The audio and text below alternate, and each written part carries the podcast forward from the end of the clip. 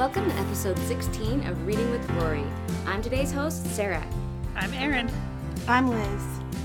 All right, and today we're discussing The Awakening by Kate Chopin, which is another one of those books that the internet tells us was referenced on the show, but the internet has yet to put its money where its mouth is and tell us where or when.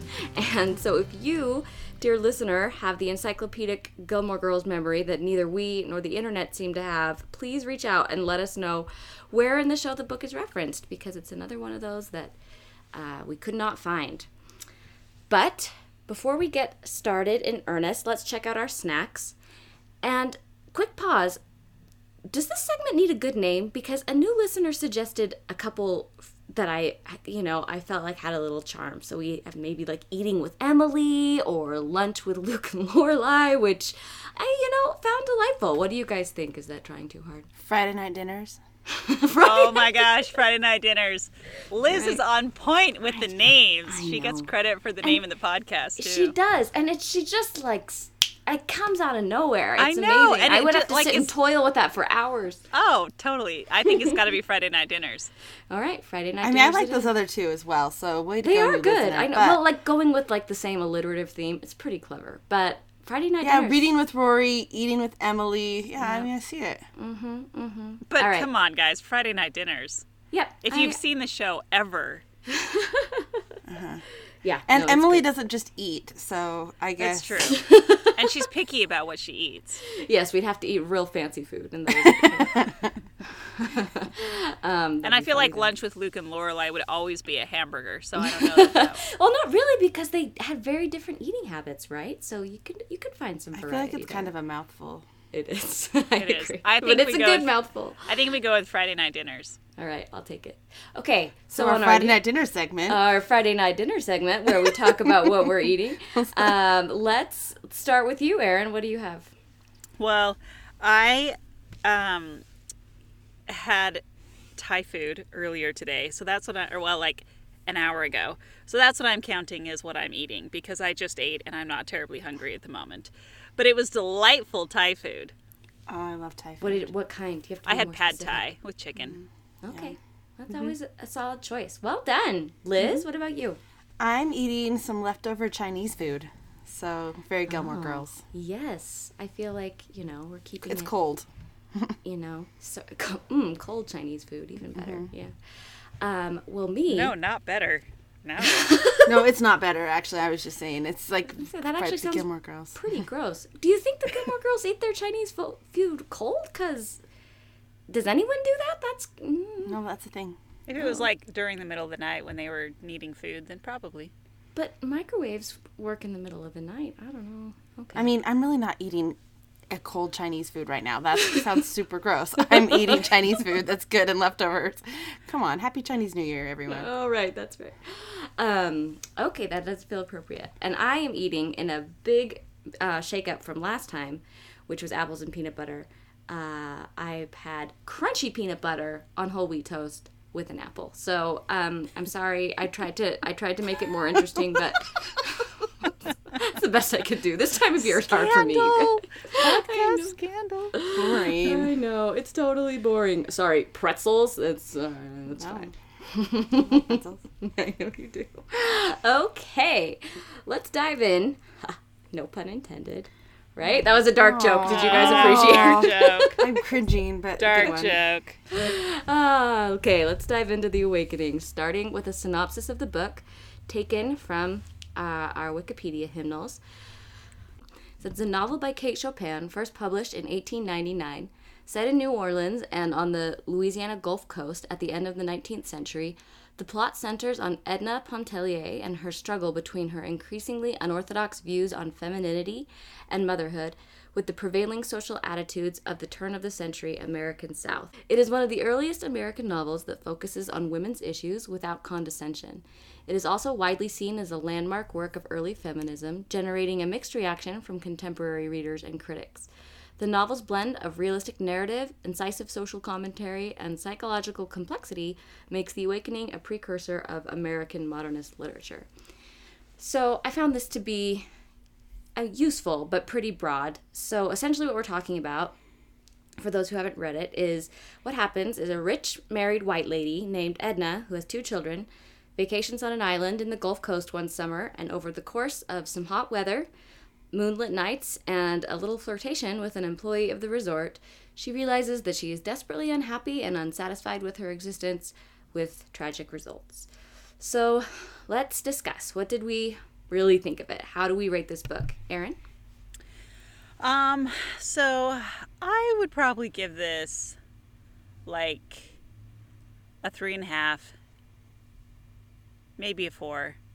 Really? Um, I don't know. Actually, I don't know that I'd go as high as a four. Let's stick with a three and a half.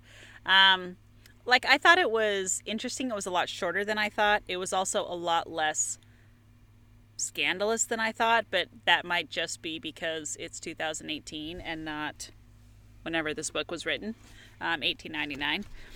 so our sense of what constitutes a scandal is a little bit different. Um, but I don't know. I mean, I I thought it was okay. That's kind of where I fell. All right, interesting. Liz, what do you think? So I I liked this book. I would give it a four. I sat and read it in one sitting and was just kind of you know caught up in it when I was reading it and. Um, I mean, it is really remarkable considering how, I, I guess, ahead of its time it really seemed. Um, and it just, I felt like I, it could have been in a lot of ways written now, right? Like in a lot of, like some changes, but this could have been a book that someone is making a statement with even today. So I found that kind of a, interesting in that it's not written today. It was written in 1899. So I thought uh, there was some interesting um that you you mentioned like a blend of modern like realistic narrative social commentary and i think i kind of liked how that kind of weaved together so seamlessly. It, i didn't feel like i was reading social commentary right? I felt like i was reading just uh, this inner working of her head a little bit and not fully understanding how well actually i just liked how watching her kind of realize what she wanted and her self-actualization journey really was interesting to kind of watch unfold even with the tragic results. But it wasn't necessarily like a fun three hours where i sat and read it right i wasn't like oh this is so good but i was just kind of caught up in it so yeah four stars Four stars. All right. That's a solid review from Liz. I think I'm going to go somewhere in between.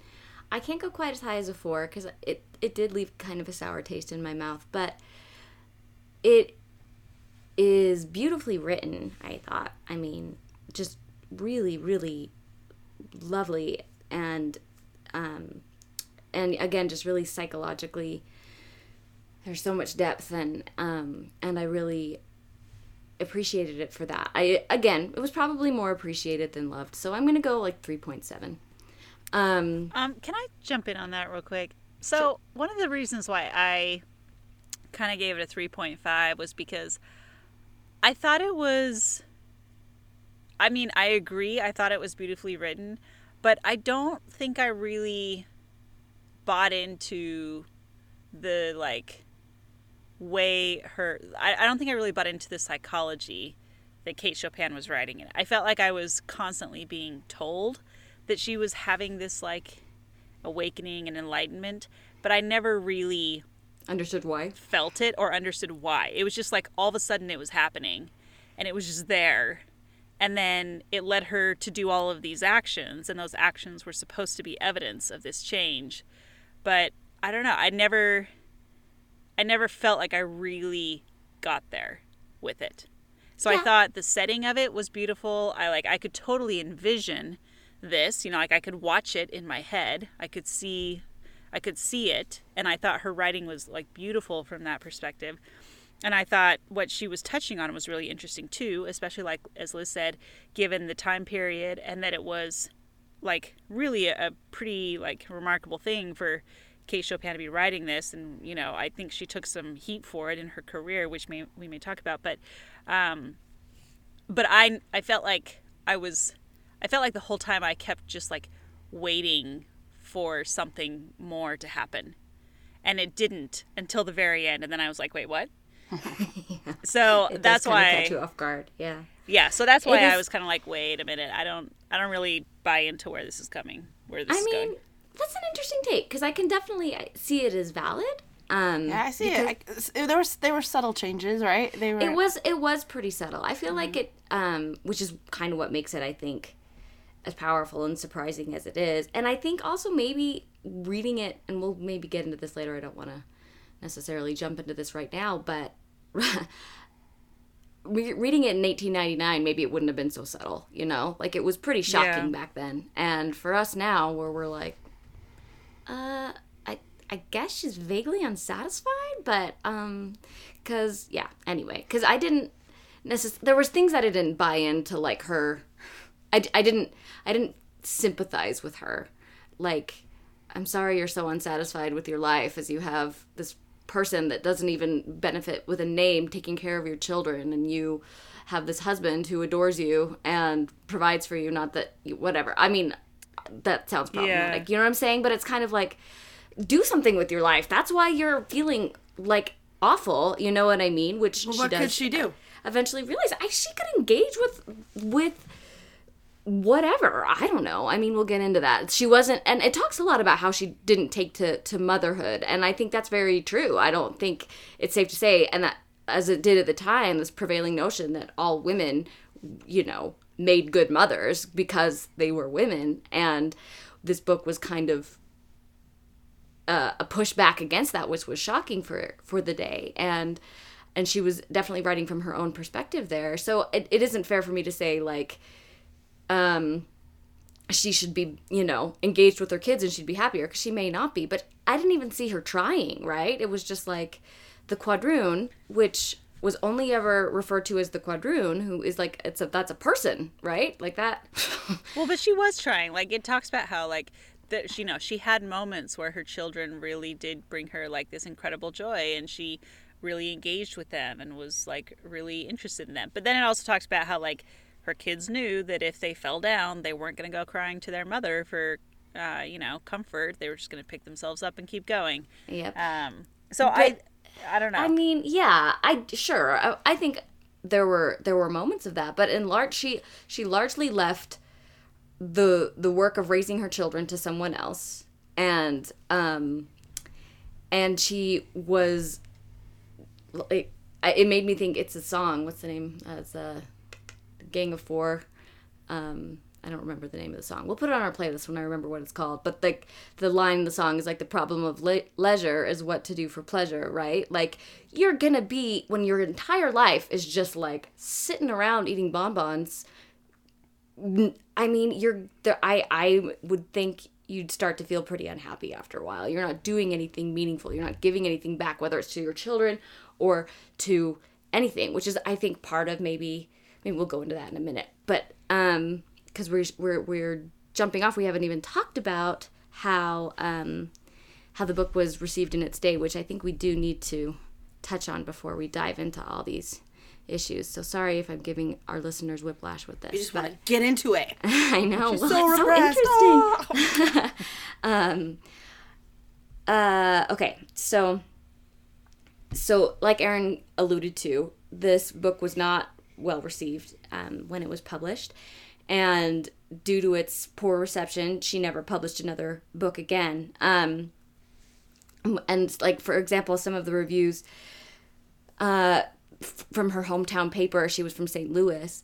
Uh, they said so. The uh, the St. Louis Republic labeled the novel as poison and too strong a drink for moral babes. Aw.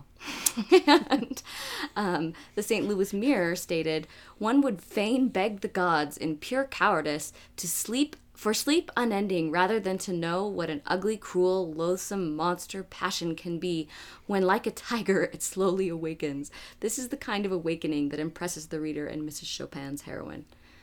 Um, wow, was all I could say when I read that, right? Like, mm, They don't that's a- write reviews like that anymore. they really don't, and they're missing out. Um, and the Dial, which was like a literary magazine of the day, called "The Awakening" a poignant spiritual tragedy, um, with the caveat that the novel was not altogether wholesome in its tendencies. Um, I know, shocking. Um, I mean, that's kind of like a sick burn for you know Victorian days. So, um, the the Congregationalist was another publication called Chopin's novel a brilliant piece of writing, but it concluded we cannot commend it. Um, so people would would would again praise its writing, but they it was so like it was censored in its day. It was just so shocking. This whole idea that um, a a, a and like it was, you know, stuff you're reading about is talking about if you just read the reviews you'd really think the book was much more sexually explicit than it is because it's really not but um I think that's what I was expecting. It's not I- like that's not the shocking part. The shocking part is Yeah. that she dared Yeah. to do. Yeah, to exactly, leave- exactly, like, but it was like- I think we- do what she wanted to do. exactly i think we think of it in such i don't know like prurient terms like it has to be like this sexual thing when it really wasn't it was her just like pushing back on what it even meant to be a woman you know so um it was uh yeah it was not well received and she did she never published anything again. She didn't write another novel and she died not very long after it was published. And so the book kind of languished forgotten for decades um, until it was discovered kind of rediscovered um, in like the 60s and 70s especially with uh, the onset of the women's liberation movement. And um, from then it kind of became it was christened a feminist classic and i actually think that for the life of a novel is a pretty great story right that it you know was so repulsed in its time but kind of goes on to have this larger Well, it just goes to show, like impact. you're saying. I think you're. Yeah, that's a good point. I think it just goes to show that how times change, the reaction to the book changes too, right? So, Uh-huh. um, so i we're so open. We're open to it now. Then yeah so we're let's dive into it. I um i found a quote from a scholar way back in 78 when it was kind of first having its like first blush of people realizing how powerful it was for its day. And the scholar i mostly liked it because his name was james justice. Isn't that a great name? It sounds like a superhero. Anyway. Sounds like a judge. oh yeah I he's like, I guess I have to be a judge. It's like He's a scholar. hand. He's a scholar. We're good. He's- he said um, he said its appeal for readers with a sociological orientation is certainly widespread, but to judge not merely from the published critical accounts, but also from the varied and eclectic reading experiences within the classroom, I am convinced that The Awakening is a permanent, quote, rediscovery, one that can withstand the vagaries of critical fashion because of its wholeness. And I really like that as a lead into the discussion on whether this book still matters, right? Because I think we're going to take it differently in, you know, our own social context, which obviously it has been. And as that context continues to shift and change, we how we read it is going to constantly change. And but I think it's asking these big questions that uh, we're always going to be grappling with. So I think that it absolutely still matters. What do you guys have to say? I'm talking a lot. I mean, I think it still matters. I think that the I like the question that she's asking or like her awakening, right, isn't like it's it's her self-actualization, right? It's her coming to realize like she um like regretted some decisions that she made like, you know, to get married and have kids or to um pursue a relationship with a man she shouldn't, right? She regrets some decisions that she makes, but she makes these decisions and she has to kind of come to terms with who she is based on these things, these actions that she takes. And I think that women are forever going to be dealing with that self actualization, right? Like, how, what do the decisions I make um, do to me, and how do I live with the, the choices I've made, and how do I find happiness in those choices that I've made? And I don't think that that's ever. I, I think we've always asked those questions. I don't think they've always been put into novels for everyone to consume. I Right. think that that's the rare thing is that suddenly this is being put out there for people to read and to kind of ponder when they start reading it. But I think that women are asking these questions all the time, right? So, um, So that's this what- is my why I question. think it still applies. this is what I wasn't real. It absolutely still applies. This is what I wasn't really um, articulating very well before. Is I wonder if all these questions of self actualization and and I wonder how much of it, and I'm not necessarily saying, I think that's maybe what kind of stuck out to me, like as far as it feels like a, pl- a place coming from such economic privilege, right? I think what I was saying before about leisure and pleasure, when you're not engaged in any kind of work, you're not working to survive or working to serve or whatever, yeah, um, all that's left is for you to sit and like have the as a you know very appropriate word that I think is used in the book the ennui, which feels very Gilmore Girls esque to me, right? Like you're just going to, um, you're just going to sit around and think about how miserable you are because you're not doing anything, and I think that that comes out of being wealthy. The people that have money and don't have to provide for their families or like feed their children are left to just think about their the state of you know whatever. And i think not to say that people who you know live in poverty or whatever aren't striving for self-actualization or whatever because i absolutely believe that you are. But i just think it's a different level. I think when all that's left is for you to just lounge around on this beautiful beach in the gulf coast and i i i, I have a hard time um sympathizing i guess. Is that bad? I sound awful. Oh man Well, so See, I guess my question is: Are do you not sympathize with her because you're like, oh, poor you, you're rich, or poor you, you're bored? a little bit yeah Do you, but do you think that's what really like was her problem?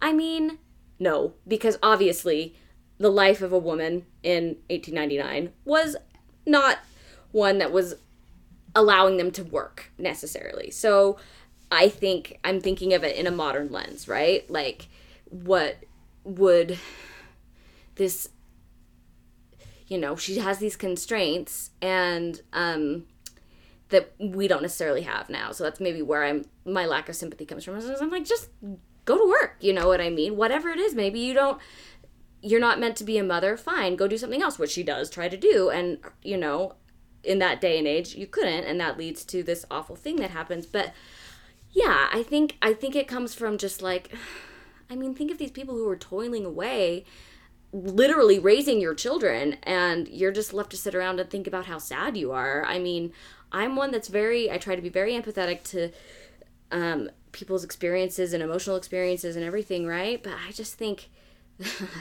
th- there's there's a cause to this. But the, a very the- Marxist review of yours, Sarah. Your critical theory is like, Well, so I have two thoughts on this. yeah. Number one, see Anna Karenina. um, and our like we because we talked about this in Anna Karenina, right? Like when, oh, at least I think we did. But like when you when you have so much time on your hands, and Tolstoy like kind of condemned the ruling class in some ways for this, right? Like they have all this time on their hands, so they just end up having all these affairs and doing all these like things to fill their time and find some meaning in life. Uh, that's very, very, very um, bare bones. But there's a little bit of that going on here, I think, sure. Um, but I also think that I think this is interesting because I think that any woman anywhere could go through this scenario. Like there are women today, right, who um, who you know marry in their early 20s, have children, raise their children, and then they have like a total midlife crisis, and they're like, I don't know what I'm doing with my life, and they become miserable because they realize that they don't even know, know who they are anymore. You also have people, you also have women who work, who don't have children at all, and also have that kind of you know crisis at some point where they think what am i doing with my life? Who am i? You know where do i want this to go? I think it's just i think it's a tale as old as time yeah. every woman goes through this kate chopin was unique in that she was the first one to actually bring it out in the, in the limelight and to say hey you know look this is a thing and to show her protagonist as someone who actually acts on it whereas i think a lot of women both then and now tend to keep that hidden, keep that side of them hidden because they don't know what to do with it, or because the things they want to do with it don't feel right either. You know, leaving your family mm-hmm. is not necessarily the right choice. But I think a lot of women get in that position where it's like, I don't know what to do with this. I'm unhappy in my current situation. And I don't know how to leave it because either way, you know, it- it's kind of like you're in a rock and a hard place in Yeah. a sense. And there's not a very good outlet for helping women figure out how to deal with that. You know, like even her husband, he he wanted to help her in some ways, but he also wanted her to be the dutiful housewife. And he Called you know, the like- doctor to have her have her examined to see if she was mentally sound. Right. And, Yeah. you know, asked the doctor, like, do I need to send her away? Do I need to take her with me to New York? Like, what do I do? And the doctor's like, well, just give her some time to sort through this. But, you know, like, if her husband had known, like, I think this actually brings up, like, a really interesting question. What do you do as a woman when you encounter this? And if you are married to or in the family of a woman going through this, how do you support them in a way that gives them the freedom to figure out what they need to figure out without everything in their life completely falling apart? Like that's a really really difficult question, right? Sure, but I think the the answer is uh, obviously very different now than it would be then, and I think that what this novel did in its day was kind of open up that uncomfortable reality that th- these women don't have other options. You, especially women of her class, it's, I think I, I, I it is very Marxist. I don't know why I'm harping on this class stuff, but I do. I'm sorry. So um, Especially rich women. Rich white women, down with them all. Uh, well, no, but like I think today, speaking myself as a rich white woman, like I have all these options that were not available to that would not would not have been available to me in 1899. Right? Either you're married and you're having children, or you're um, an old maid and I mean, I would have liked like the Mademoiselle Reisz like li- living where she just like lives in an apartment and plays Chopin and like just like grouches about everyone she knows. Like I think that's probably what I would have been like in 1899. but, um, but that's not true. I'm an, I'm a lovely person. But um, you are a lovely. um, I don't know. I just think that we have options now, largely thanks to these conversations starting a hundred plus years ago. That it is st- not to not to say that these questions aren't still difficult today. They're just it's a different kind of difficult because I think that we we can talk about it in such an open way and we can support each other and we can help each other understand what we're going through. We can talk about it and say yeah i went through that you know? Like like we were saying these like women who have children who get to a certain point and your whole life has been about raising them and then now all of a sudden you have more time on your hands to devote to yourself. Well what does that even look like for me? And you have all these women that you can talk to about that. They didn't have that. Yeah, but I don't know, Sarah. I think I would push back on that a little bit. So, just because, I mean, we're talking about like, you know, whether this book still matters, right? And how and why we read it now.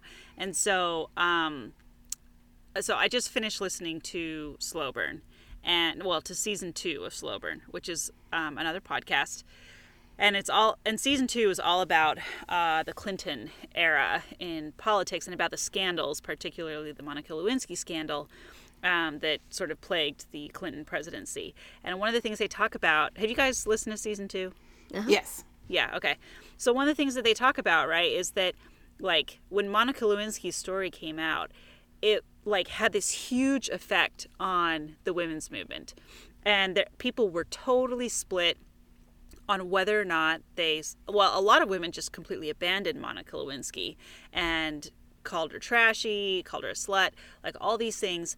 And then some women pushed back and said, well, no, the whole point of feminism is that women have the right to choose. Monica Lewinsky says she absolutely consented to everything that happened. We should believe her, and that sh- that's her choice. And then you have the other side who's like, well, no, wait a second. We're not taking into account power dynamics. We're not taking into account, you know, all these things. And, you know, and it's talking about like her conversations with Linda Tripp and how Linda Tripp is sitting here listening to this. And it, according to Linda Tripp, she's like, oh my gosh, what is happening to this girl? If this were my daughter, I would be like absolutely sickened. And that that's what led her to turn on Monica Lewinsky and, and turn her into the FBI essentially, um, or lead her to the FBI. And so I think even today, you still have this issue. You know, like who who did Edna have to Hold go on. talk to? Right. Um, well, that's what I'm saying. Because I do want to push back on your pushback a little bit. Oh my gosh. Think I how mean, bad it's well, going to be when we read Susan Faludi. Anyways. I know. I'm like, Um, I'm, I'm mostly done with Susan Faludi. I'm like sitting here like I have so much to say. I have so much to say. Um, well, because I think that this isn't an issue of of feminism. Also, that was 20 years ago. I think that things have changed dramatically in the last 20 years. But we're not talking really about though. like I mean, we're still Yes. talking about Yeah. the me. I mean, yeah. Well, okay. Yes, things have changed dramatically, but we're still having arguments with the Me Too movement, you, like the Aziz Ansari stuff. Like we're still having. But I don't see what that has to do with the satisfaction of a housewife, which I do think is an eternal question, which is essentially what this book is about. Which is essentially um, the feminine mystique in Yeah. novel form. Have you guys read that? Yes, no. I read it in women's studies. It's. I mean, that came out in the 70s. I imagine this is why this book was so popular then. I was gonna um, say that it's like why are women happy? Or why are women unhappy? And that's what the feminine mystique really explores.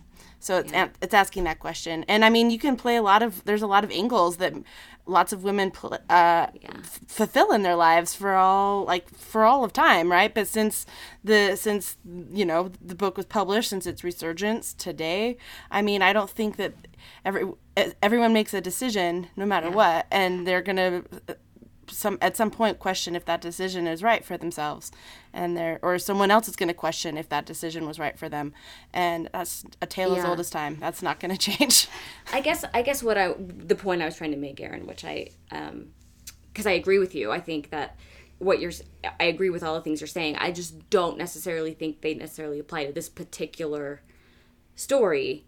I think that the issues of feminism are vast and wide ranging and um and and so you know, I think that as we talk about about the the personal feeling like personally fulfilled that's kind of what i felt like this book was about. Um and we can get into and we will get into all those uh other other issues i imagine with with our um what's sure to be like a four hour podcast on backlash Well, I guess. Yeah, I mean, I guess I was just thinking like. hold on till then and go on I mean, like even today, right? Like you still have.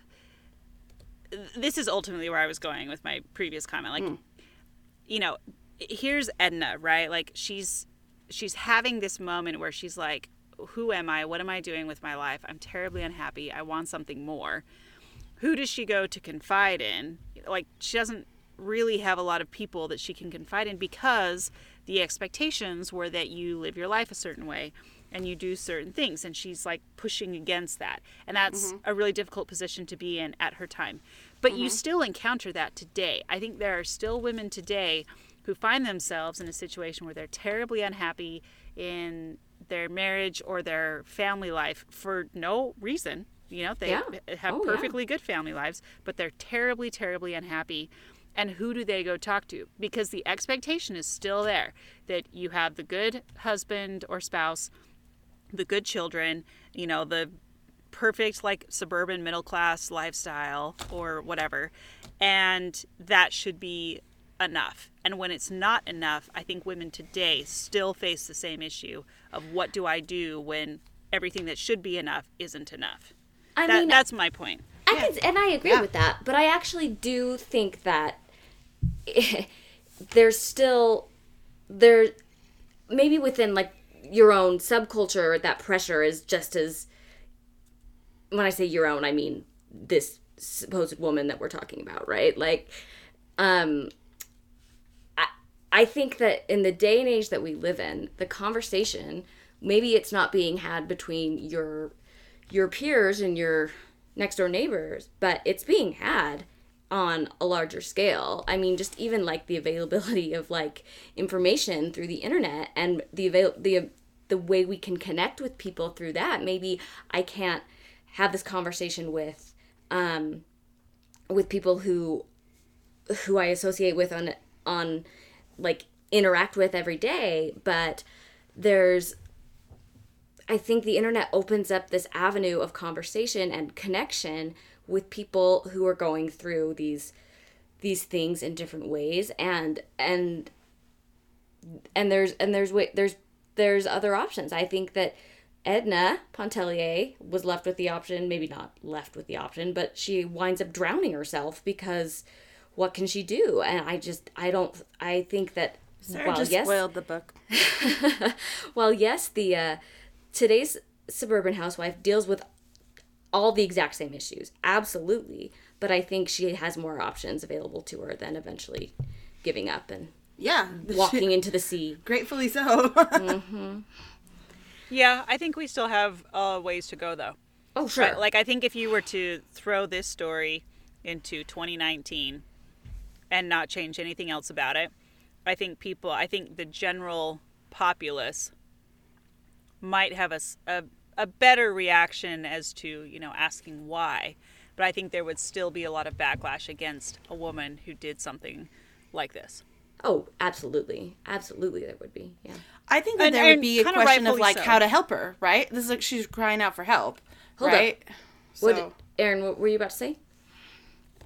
Well, I was, just, I, w- I mean, I was just saying, like, I'm not, I'm not, I don't want to be like, oh, if you're unhappy, leave your family. That's the way to go. Like, that's not, I, I don't want to give off that impression. Um, You're not. Don't worry. You're Like, good. I don't think that that is uh, necessarily a good choice. But, um, and, and that's really all. That's all. Yeah. Yes. I feel like yes, we did because I feel the same way, right? It's such a tricky thing because um you know, you want people to feel to feel personally fulfilled. And we did talk about this with Anna Karenina. It totally lines up, right? Again, just talking about the uni- universal nature of this question that um that I think literature is trying to help us all work through and understand and figure out how we feel about it and what we do about it. It's not an easy black and white thing. That's all I was gonna say. Um, but again, I don't want to create the impression that I'm like, I'm sad, so therefore I'm going to leave my family because I don't think that's super awesome. I mean, I think Um, that that ending is shocking on purpose, right? Like we're like she's left with so many like she's she at that time had no uh, I mean she had other options, but she did not feel like she did really, right? Like okay, so I just am so torn, I can't decide what to do with my life, right? I don't know what I but there was no outlet really for her to go to like you were kind of saying, Erin, right? Like where do you turn for help on this?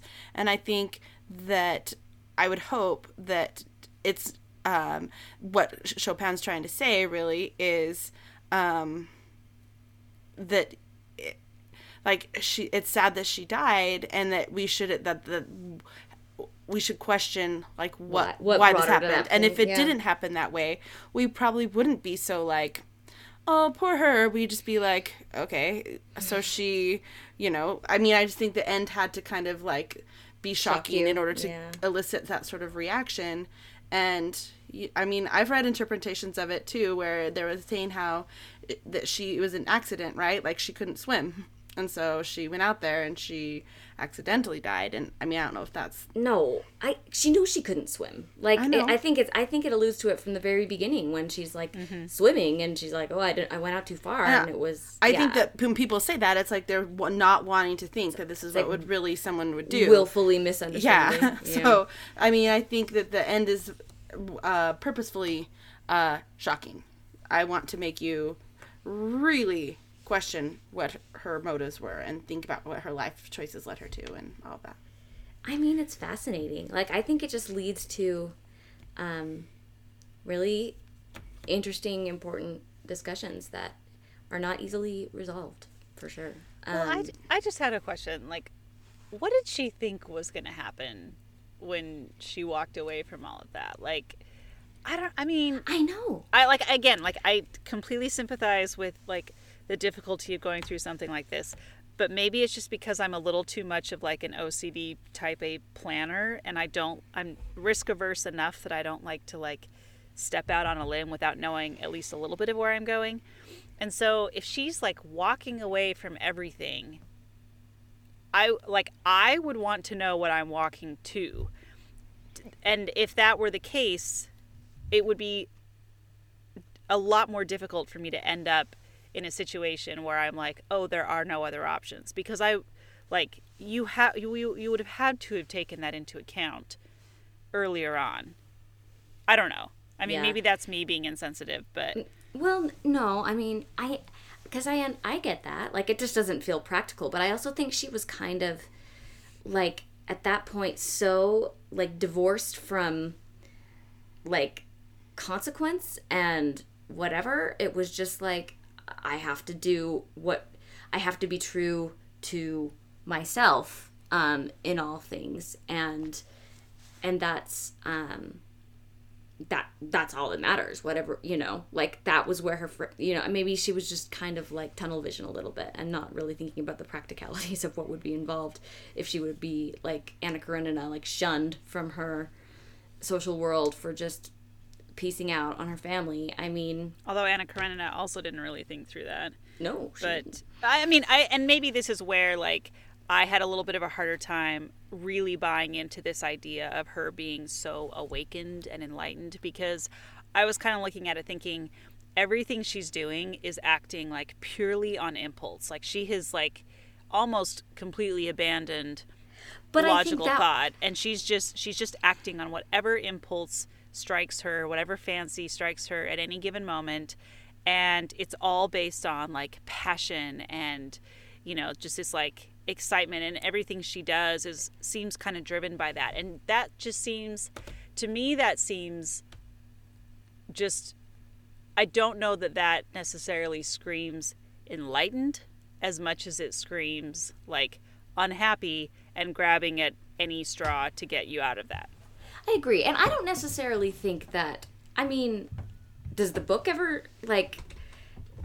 D- I I I, I don't think that it's assuming that we are supposed to think it's enlightened, right? I mean, maybe I think her self awareness is is good, um, and what she chooses to do with it, I think, is a commentary on the larger, you know,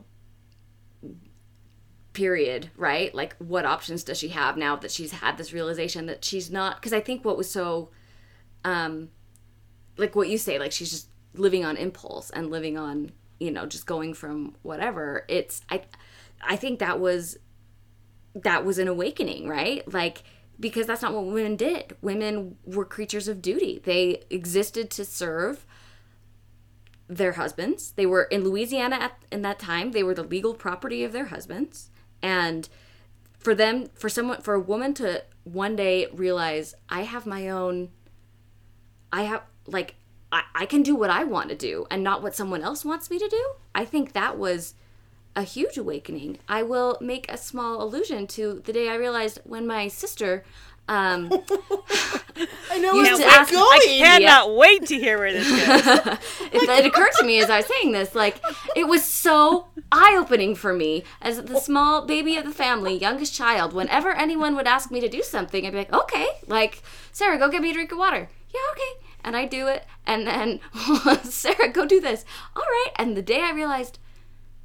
I don't have to do that actually, right? Like, go get your own drink of water. What? I'm not your servant.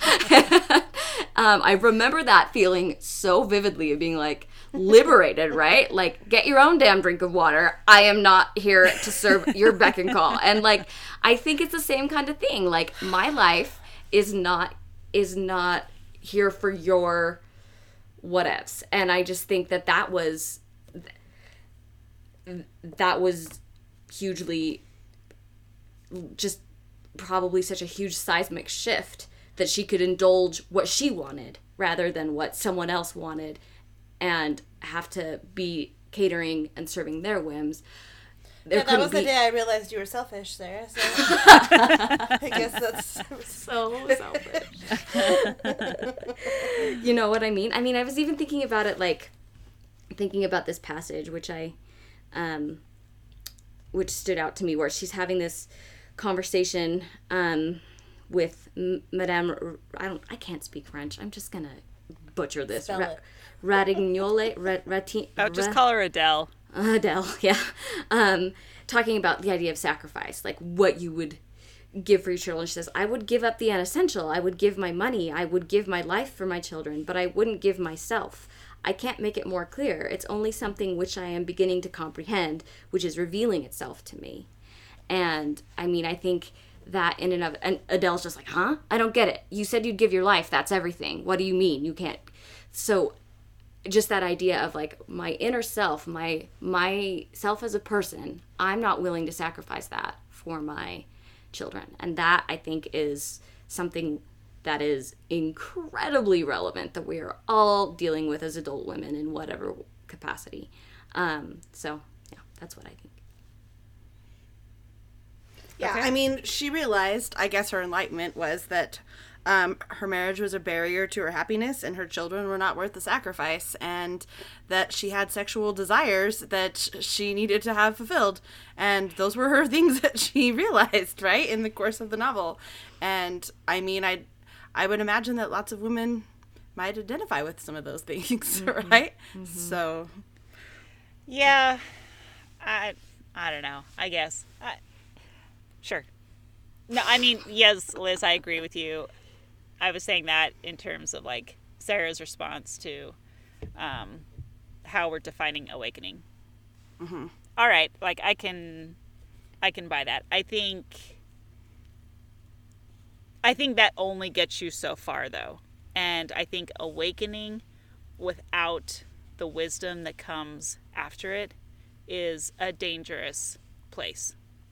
Because Yeah. you know if you just get to a point where you're like i don't have to do what you tell me to do but there's no wisdom as to like what's like why or understanding you know relationships in a better way as a result then like I, I, I don't know I don't think that that's always going to go hand in hand, right? Like the term awakening also has a very like connotation of like um like the musical spring awakening, right? What that's all about. And then there's, you know, the idea of like desires being awakened. That doesn't necessarily bre- uh, lead to good consequences all the time, right? Like, oh, now I understand everything.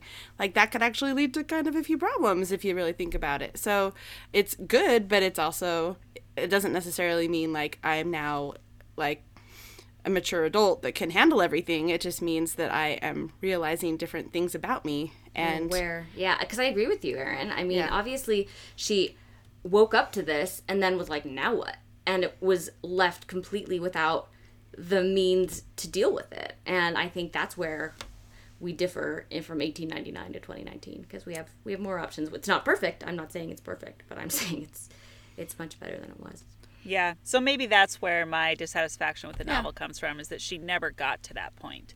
She Right. just Yeah. kind of got stuck in that awakening phase and didn't really take the steps necessary to get to the next point where she Right. would have reached. You know, maybe that would have been in the sequel. Just kidding. okay another dark joke um I mean, Um, you guys, I could keep talking about this for a real long time, but we should probably move on. Um, and I think that we've uh, talked a lot about how we read it now versus how it was read then. I want to talk about what surprised us. If there was anything before we jump into our pop culture um, pop ups, if you will, what what surprised us about the book? What stood out? What stayed with us? Anyone? the ending. Yeah. Especially it's so abrupt. Yeah. It it just felt it was like, "Oh, and we're done." Okay. well, that was not where I saw this going. She walks into the sea. well, especially because as you were saying, like you're waiting for something else to happen. Like this is boring. This is boring. This is boring. Oh, okay, it's over. like Yeah. it just did. Yeah, I can see why that would be a surprising moment. Um, for me, I- what surprised me, I mean, I would have to say, uh, I think, like I said earlier, my thing is that it just how I mean, I, this is my second time reading it. Really, I read it, uh, I don't know, years and years and years and years ago, probably before I really had been awakened. Just kidding, I don't really know. but like, I just I don't really know that that's the case. But my point is, I read it a long time ago, and I don't know. I don't remember. All I remember is the ending. To be honest, I knew what was going to happen. And um, I think this time I was surprised at how she seemed so like I guess the word I want to say is repressed a little bit. Like she's around all these like Creoles in New Orleans that are saying all these things, and she's like at first a little bit shocked and like, oh, I'm gonna go inside, and she just doesn't really. And as she like slowly like mm, becomes not desensitized, but like less repressed, like I was just I don't remember that part being my first read and it kind of surprised me this time is like her just like oh those creoles. They're so open. And now she just did not know that. That was like a world she didn't know. And i think that that's actually kind of relatable if you've kind of been in a you know bubble of time a bubble of your own making sometimes you just sort of see new things and are like whoa okay. I guess that kind of leads me to the question what like i bought i'm like i bought her awakening as it were. Like but i still am not quite sure where it first like what sparked it. Like eh, there was that first like interaction with her husband or whatever and then she goes out on the porch and she's crying and that's like the first thing where she realizes that she's like unhappy with her circumstance. But like what is it about the surroundings of this resort this you know kind of like maybe it is is it like the sensual aspect of it? Like that she's in you know you're on this lush it, you know hot humid whatever you're more in tune with that kind of whatever it's supposed to say. That's I'm so sensitive. Um but all the uh, rich stuff. Like, all the you know- all the trappings of wealth that they're surrounding themselves with. Oh, i'm sorry. I um I think Sarah maybe part of me wondered if it was when um, Adele asked her, you know, like, well, what would you sacrifice for your children? And she's like, nothing, right? Like, I, but like, does that But sort of that came spark something kind for of her? Far into the story, like yeah, I, was thinking, well, I don't know. In my mind, I was thinking it was when it was the night when she goes, and lays in Oh. the hammock. well, the hammock, the hammock, but also the conversation with her husband, Sarah, that I think you were talking about.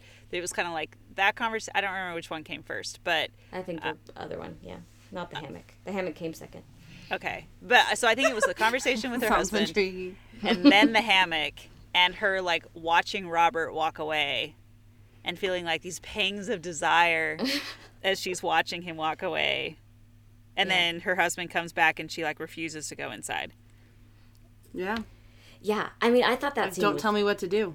Yeah, it's Yeah. so interesting. She's like, "No, I'm just gonna sit in this hammock," and I'm. Go-. And then it became this weird power struggle. He's like, "Fine, if you're not gonna go in, I'm not gonna go in," and like, I'm just gonna sit out here and smoke a cigar until you go in. Like, We should reenact that. um, but yeah, it was uh, it was interesting. I mean, um, yeah, I don't know. I think that was just my kind of like, all right, but what was really like the igniting incident? And I still so that's what surprised you is that you don't know. Well, like, is it all kind of much ado about nothing? I don't know. That's all. I'm sorry, I'm just laughing because like you just have like this disdain for like this whole idea. so it's No. like much ado about nothing. No, you know what I'm saying. Because I don't. I don't have disdain for the idea of like awakening itself. You know, I just think that like, I don't know. I'm so.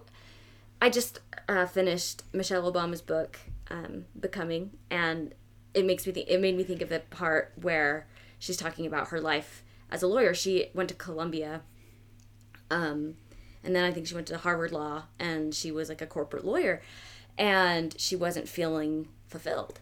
And I mean, this is a different kind of. We're talking like professional fulfillment versus personal fulfillment, but maybe it goes along the same lines. Common Um, problem amongst corporate lawyers. yeah, I imagine that it is. And um, and she and she talks about how she was explaining this to her mother, who, like, her parents were these working class people. They didn't like the idea of being fulfilled by your career is a little bit of a joke. You know what I mean? Like, you just make ends meet to pay your bills. Like the fact that you're, you know, and, and she just kind of acknowledges that privilege. I, maybe I have that in mind, right? A little bit like the the ability to ponder, to be so ponderous about your sense of fulfillment, whether it's personal or professional or whatever, is a position of privilege. So yeah, I guess I do sound like a Marxist. I'm sorry, I'll own. I mean, I'm not disagreeing with you. I do think it is a position of privilege, but I think it's a position of privilege that people are in. for sure. So, yeah. Yeah. Um, and that shouldn't take away from the validity of you know those struggles because i do think they're valid. I just um yeah, I have a hard time maybe feeling like I don't know. It's complicated. I, I think I need to work through some more of this stuff, you guys. Maybe we'll check back. Okay. Well, when we read Backlash, we'll have another conversation. yes, we certainly will. I'm sure. Yeah, join us for that four-hour conversation. we'll pull an all-nighter, and you can t- tune in live. Just kidding. We're not going to do that. Call in. Um, okay, so whew, that was robust, you guys. I think we should um, move along to um, one of our favorite segments, which is where we discuss places this book has popped up in pop culture, and it, there are actually quite a few. Um, it, it it's had a bit of a footprint um, in some of the research that I did. So, it it's been adapted into operas. It's been adapted into several plays. Um, uh, one of the operas was uh, featured in New York City's opera Vox 2012 Contemporary American Opera Lab.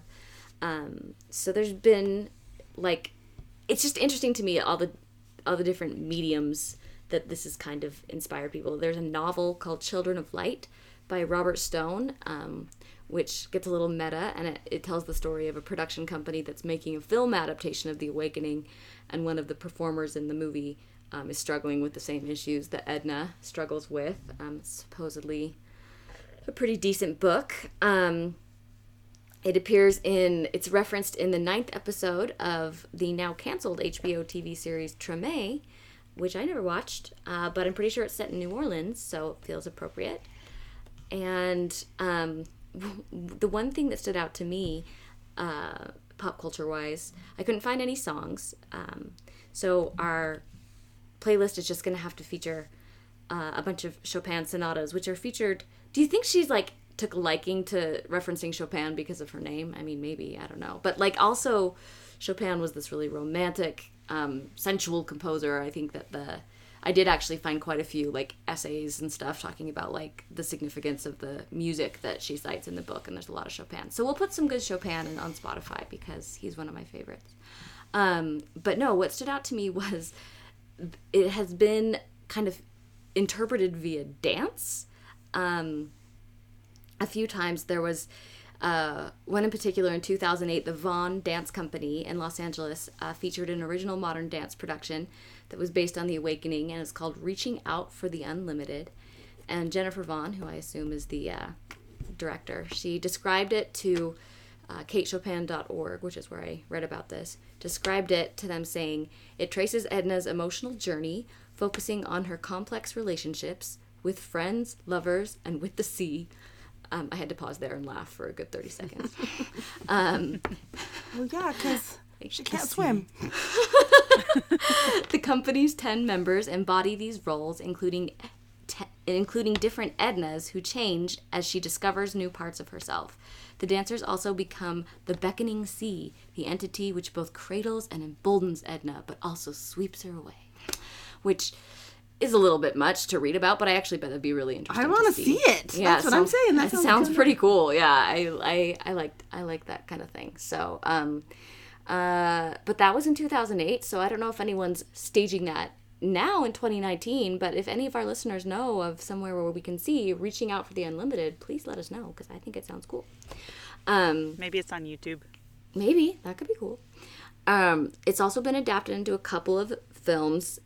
Nothing that I have seen or that I think I will see. the first one was called The End of August, and it was released in 1981. And literally, there's like the, you can't get it on even DVD. Like it, it has been lost to the bowels of whatever. But the one thing that I found about it was the tagline on the poster reads, "There is a time in every woman's life when she must choose between her sense of duty and her sensuality."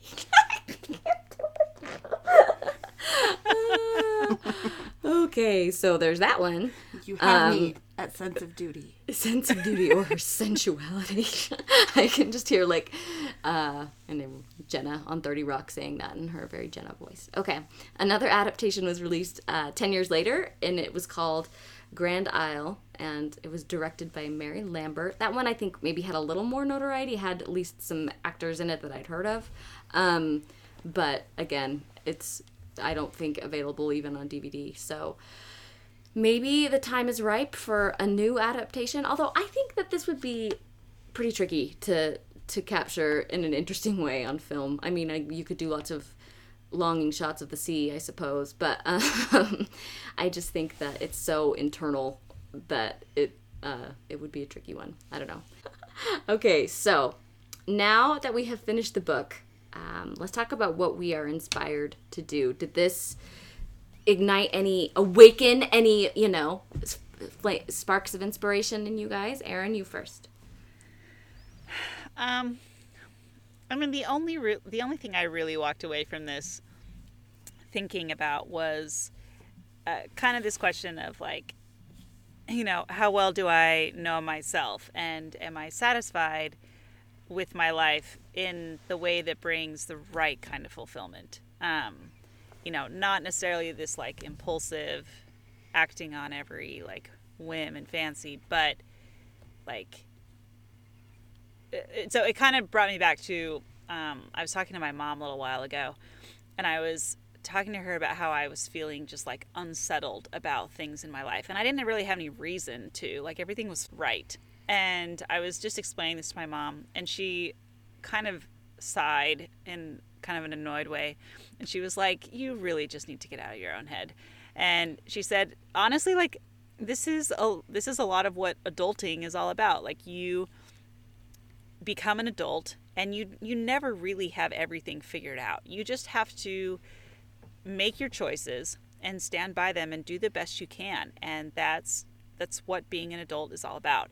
And um, and you have to learn how to be happy and how to find contentment within the like construct of the world that you choose to create. And um, and I like it was it was one of those moments where I was like, oh wow, my mom's very wise. Uh, like just the way that she's the way that she put it across to me was like you know learning how to find happiness with what we have because we live in such a, a culture of you know satisfy me now with whatever it is that i want information or you know food or whatever everything's on demand right and learning how to be satisfied with your life, I think is a really big challenge as an adult. It's very easy as a child to be satisfied. As an adult, I think it's very, very, very difficult. And so I've just sort of been thinking about that after reading this and thinking, okay, how do I consciously choose to be satisfied with my life? And if I'm not, why am I not feeling satisfied? Is it a legitimate thing that needs to be addressed? Or is it something where I need to consciously choose to change my frame of reference and the way that I'm looking at things? So, anyway, that's a little bit meta, but that's what I was thinking about. I like it a lot. Um, Me too. Yeah, I think that's a great takeaway. Are you also sucking up to your mom because she's like there in the room with you right now? She's not actually, she comes tomorrow. oh, And I love my mom. my mom is so wise. I like. I think your mom's wise too. That's well, my mom has listened to like 10 minutes of one episode that we've done, so I don't, I'm not terribly concerned about her hearing this. yeah, yeah. Um. All right, Liz. What about you? So I remember, like I said, I read it in like a three hour sitting, right? And I remember closing the book and I'm like, I don't think this should be my takeaway. I really don't. But it was. And I made a note to myself. And so I'm just going to go with it. And um, it's kind of funny, I guess, coming, well, I'll just say it. But I'm like, boy, I'm grateful that I don't have a husband or kids.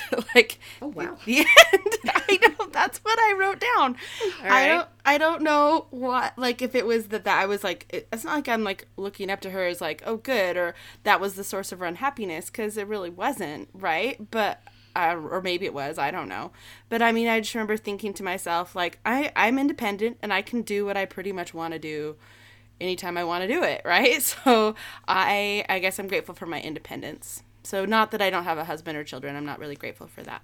But I um, I'm grateful that I'm independent and that I I am a little bit happy with some of my life choices, right? So I think that I'm grateful that I have choices in my life and I can um, be independent and not have to like resort to some of the things that she had to, I guess. The end. This this is where we cut to the Destiny's Child. I know. Well, no, I don't know, but I mean, it probably sounds That'll worse be on our Spotify playlist. for sure. It yes, sounds will. worse than it probably means to sound, but hopefully you get the point. Like, I get it. life's good. Yes, um, I, I hear that. Uh, mine is much less deep.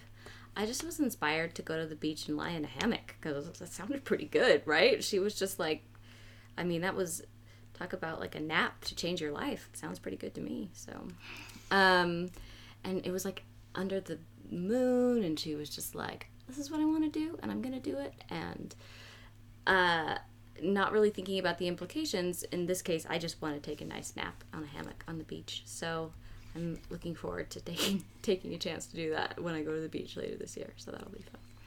I will say, I do think that it took a lot of courage for her to do what she was doing, like to break from the inertia and follow something that she felt was very like true to her heart. Um, even though I don't necessarily, may not necessarily agree with the idea of like walking away from your family, but, um, but there have definitely been times in my life where I've thought, I just want to walk away from this. Like I just want to walk away and start something different and I have not been willing to do it whether you know good or bad or whatever but it takes a lot of courage to do something like that and I think that that I don't know it's just an interesting thing to note Definitely. And I, I definitely agree. I mean, I think this kind of this discussion, you know, touched on some touchy things. and um but I think that the takeaway should be that, you know, I feel grateful that you know, we have the options that we have now for people to make the choices they want to make.